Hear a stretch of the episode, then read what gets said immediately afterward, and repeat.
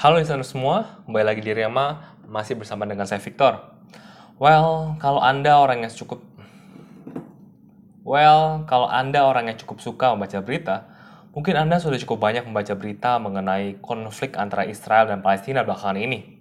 Anda yang bilang Israel yang salah, begitu juga sebaliknya. Nah, tapi bukan itu yang saya mau bahas hari ini. Karena itu kita karena itu sudah kita bahas di podcast hari Senin. Hari ini saya mau Hari ini, saya mau membagikan mengenai sebenarnya apa sih titik pertama dari pertikaian ini dan bagaimana kita semua bisa belajar dari apa yang telah terjadi. Untuk mengerti bagaimana ini semua bisa terjadi, mau tidak mau kita harus tahu kisah mengenai Hagar. Mari kita lihat dulu latar belakangnya.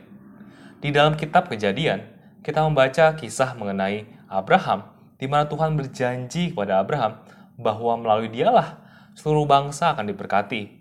Tuhan berjanji akan memberikan anak melalui Abraham dan juga Sarah.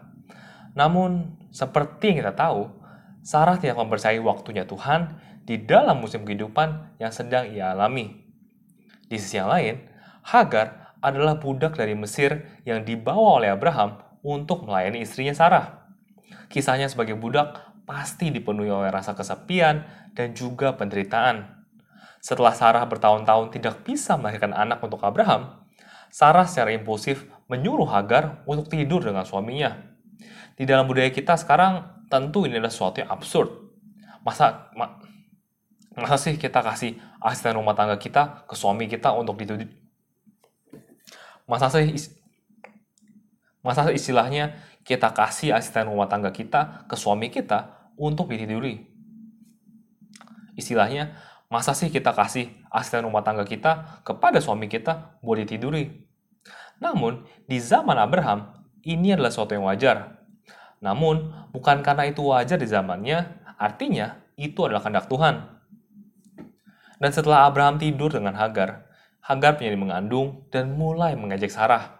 Walaupun ia masih hamba statusnya, namun ia memiliki apa yang teramat ingin dimiliki oleh Sarah, yaitu adalah seorang anak. Akhirnya lucu kan? Sarah jadi kesel akibat sesuatu yang sebenarnya idenya dia sendiri awal mulanya. Sarah akhirnya mulai menindas Hagar, dan akibatnya Sarah kabur dan mau balik ke Mesir. Namun malaikat Tuhan pergi menemui Hagar, dan di tengah kesedihan serta kepedihan yang dirasakan oleh Hagar, Tuhan menemui dia dan berkata bahwa anak yang kandung akan diberkati menjadi bangsa yang besar. Dan Hagar memanggil Tuhan El Roy, atau Tuhan yang melihat aku. Nah, Hari ini, saya mau membagikan tiga buah poin dari kisah Hagar yang bisa kita pelajari bersama-sama. Yang pertama adalah, Tuhan melihat dan Tuhan mendengar. Sama seperti Tuhan mendengar tangisan Hagar di padang belantara, Tuhan pun mendengar doa serta tangisan kita. Di sisi lain, Sarah yang merasa dilupakan oleh Tuhan karena doanya akan punya anak tidak dijawab, itu pun tidak dilupakan oleh Tuhan. Kita perlu belajar bahwa hanya karena waktunya Tuhan itu berbeda dengan waktunya kita, bukan berarti bahwa Tuhan melupakan kita.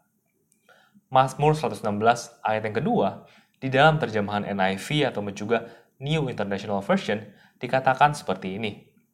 Because he turned his ear to me, I will call on him as long as I live. Ataupun juga, karena ia telah memberikan telinganya kepadaku atau juga ataupun juga ataupun juga karena ia telah mendengarkan aku, aku akan memanggil dia terus.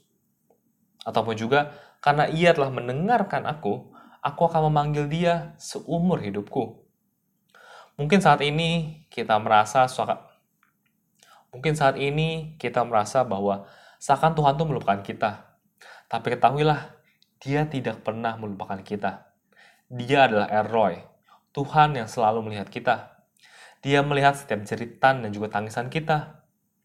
Mazmur 56 ayat ke-8 di dalam terjemahan VMD ataupun juga versi mudah dibaca dikatakan bahwa Engkau tahu aku sangat gelisah. Engkau tahu berapa banyak air mataku. Pasti engkau telah menghitung air mataku semuanya. Wow, Tuhan yang begitu besar tahu seberapa sakit dan juga seberapa Wow, Tuhan yang begitu besar tahu betapa sakitnya hati kita dan betapa banyaknya air mata yang kita keluarkan. Jadi, Mari kita menguatkan iman kita dan percaya kepada waktu Tuhan. Dan percaya bahwa ia selalu mendengar dan selalu menjawab. Yang kedua adalah Tuhan mengasihi semua orang, bahkan orang berdosa sekalipun. Seringkali kalau di dalam lingkungan gereja, kita menggunakan istilah orang percaya dan orang tidak percaya. Which sebenarnya nggak salah. Tapi itu sering kali tanpa kita sadari, membuat batasan dan juga tembok antara kita orang percaya dan yang tidak. Namun, itu bukanlah bagaimana Tuhan melihat kita sebagai manusia. Tuhan melihat kita bahwa semua manusia membutuhkan juru selamat. Dan Yesus turun untuk menebus dosa semua orang, bukan hanya orang percaya. Dan mari kita coba lihat dan mari kita coba lihat pelayanan Yesus. Yesus menghabiskan Yesus menghabiskan waktu jauh lebih banyak dengan orang berdosa dan orang-orang yang disingkirkan oleh masyarakat daripada dengan orang-orang percaya, bukan? Yesus menghabiskan Yesus menghabiskan waktu dengan orang-orang yang mungkin kita anggap tidak layak. Dia bercakap-cakap dengan prostitusi, orang cacat, pemungut cukai, orang kafir, dan masih banyak lainnya yang dipinggirkan oleh masyarakat. Hagar bisa dibilang adalah termasuk orang yang Hagar bisa dibilang adalah termasuk golongan orang yang seperti ini. Dia hanyalah hamba dan dipandang rendah oleh Abraham dan juga Sarah. Namun di mata Tuhan, ia berharga dan layak untuk dikejar. Saat saya membaca pemberitaan mengenai konflik di Gaza, ada beberapa artikel Kristen yang berkata bahwa hati Tuhan itu ada bersama Israel. Yes, itu betul. Tapi hati Tuhan juga ada buat kubu lawannya. Kebenarannya adalah Tuhan tetap mengasihi bahkan teroris sekalipun dan juga mengejar mereka. Beberapa waktu yang lalu, saya sempat menonton video di YouTube di mana berupa interview dengan seseorang yang bernama Mosaf Hasan Yosef. Dia adalah seorang anak dari ketua Hamas, grup yang telah dicap sebagai teroris. Dia bercerita bagaimana kisahnya dari mulanya sebagai teroris. Dia bercerita bagaimana kisahnya semu Dia bercerita bagaimana kisahnya yang di mana mulanya ia adalah sebagai teroris. Dia bercerita bagaimana kisahnya mulai dari ia dia bercerita bagaimana kisahnya mulai dari ia sebagai teroris hingga mengenal Yesus dan saat ini menjadi seorang Kristen. Ceritanya amatlah luar biasa. Buat teman-teman semua yang tertarik, bisa tonton sendiri di YouTube dan search Mosab Hasan Yosef ataupun juga baca bukunya yang berjudul Son of Hamas. Inti dari ceritanya adalah bahwa Tuhan tetap punya hati dan mengejar bahkan teroris sekalipun kita perlu ingat bahwa sebagai orang percaya, kita diperintahkan untuk mengasihi sesama kita manusia dan merefleksikan kasih Kristus kepada dunia sekitar kita, termasuk kepada musuh kita. Tuhan mengasihi Hagar dan mengejar Tuhan mengasihi Hagar dan mengejar dia di saat mungkin sekelilingnya mengusirnya. Dan kalau Tuhan bisa melakukan itu dulu, Tuhan yang sama pasti juga melakukan itu saat ini. Pelajaran yang ketiga adalah Tuhan menyediakan kasih karunia-Nya, namun konsekuensi dari tindakan kita tetaplah ada. Walaupun Tuhan telah menebus kita dan memberikan kita hidup yang baru, di mana kita bisa menanggalkan seluruh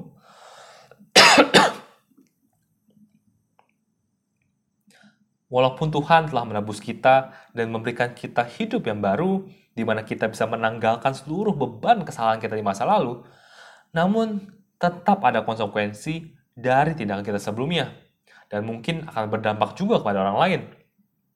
Keputusan Sarah untuk tidak keputusan Sarah untuk tidak mempercayai waktunya Tuhan menyebabkan penderitaan. Keputusan Sarah untuk tidak mempercayai waktunya Tuhan menyebabkan penderitaan kepada Hagar dan juga Ismail. Dan ini adalah bibit daripada konflik Yahudi dan juga Arab yang dialami hingga dengan saat ini sebuah bibit yang amatlah kecil se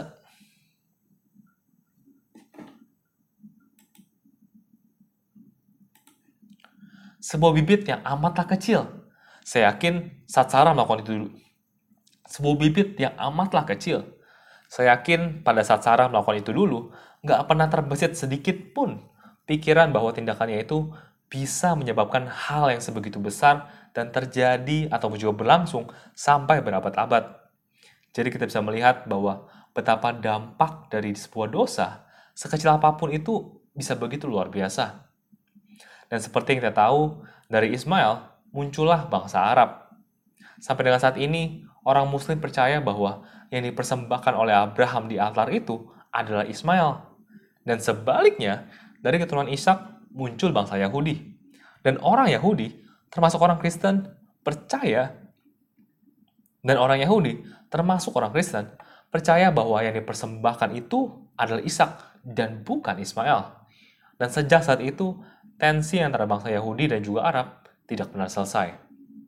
Jadi, mari kita belajar dari kisah ini bahwa walaupun dosa kita telah diampuni dan dibayar lunas oleh darah Yesus, bukan berarti konsekuensi dari tindakan kita yang berdosa otomatis juga dihapuskan.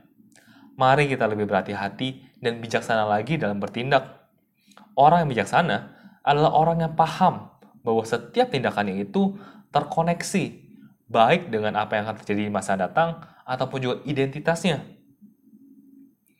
Jadi, akhir kata, kalau saat ini kita berada dalam musim yang tidak baik, musim yang penuh dengan jerit tangis, ketahuilah dan percayalah bahwa Tuhan tidak pernah melupakan kamu dan Ia selalu ada buat kamu.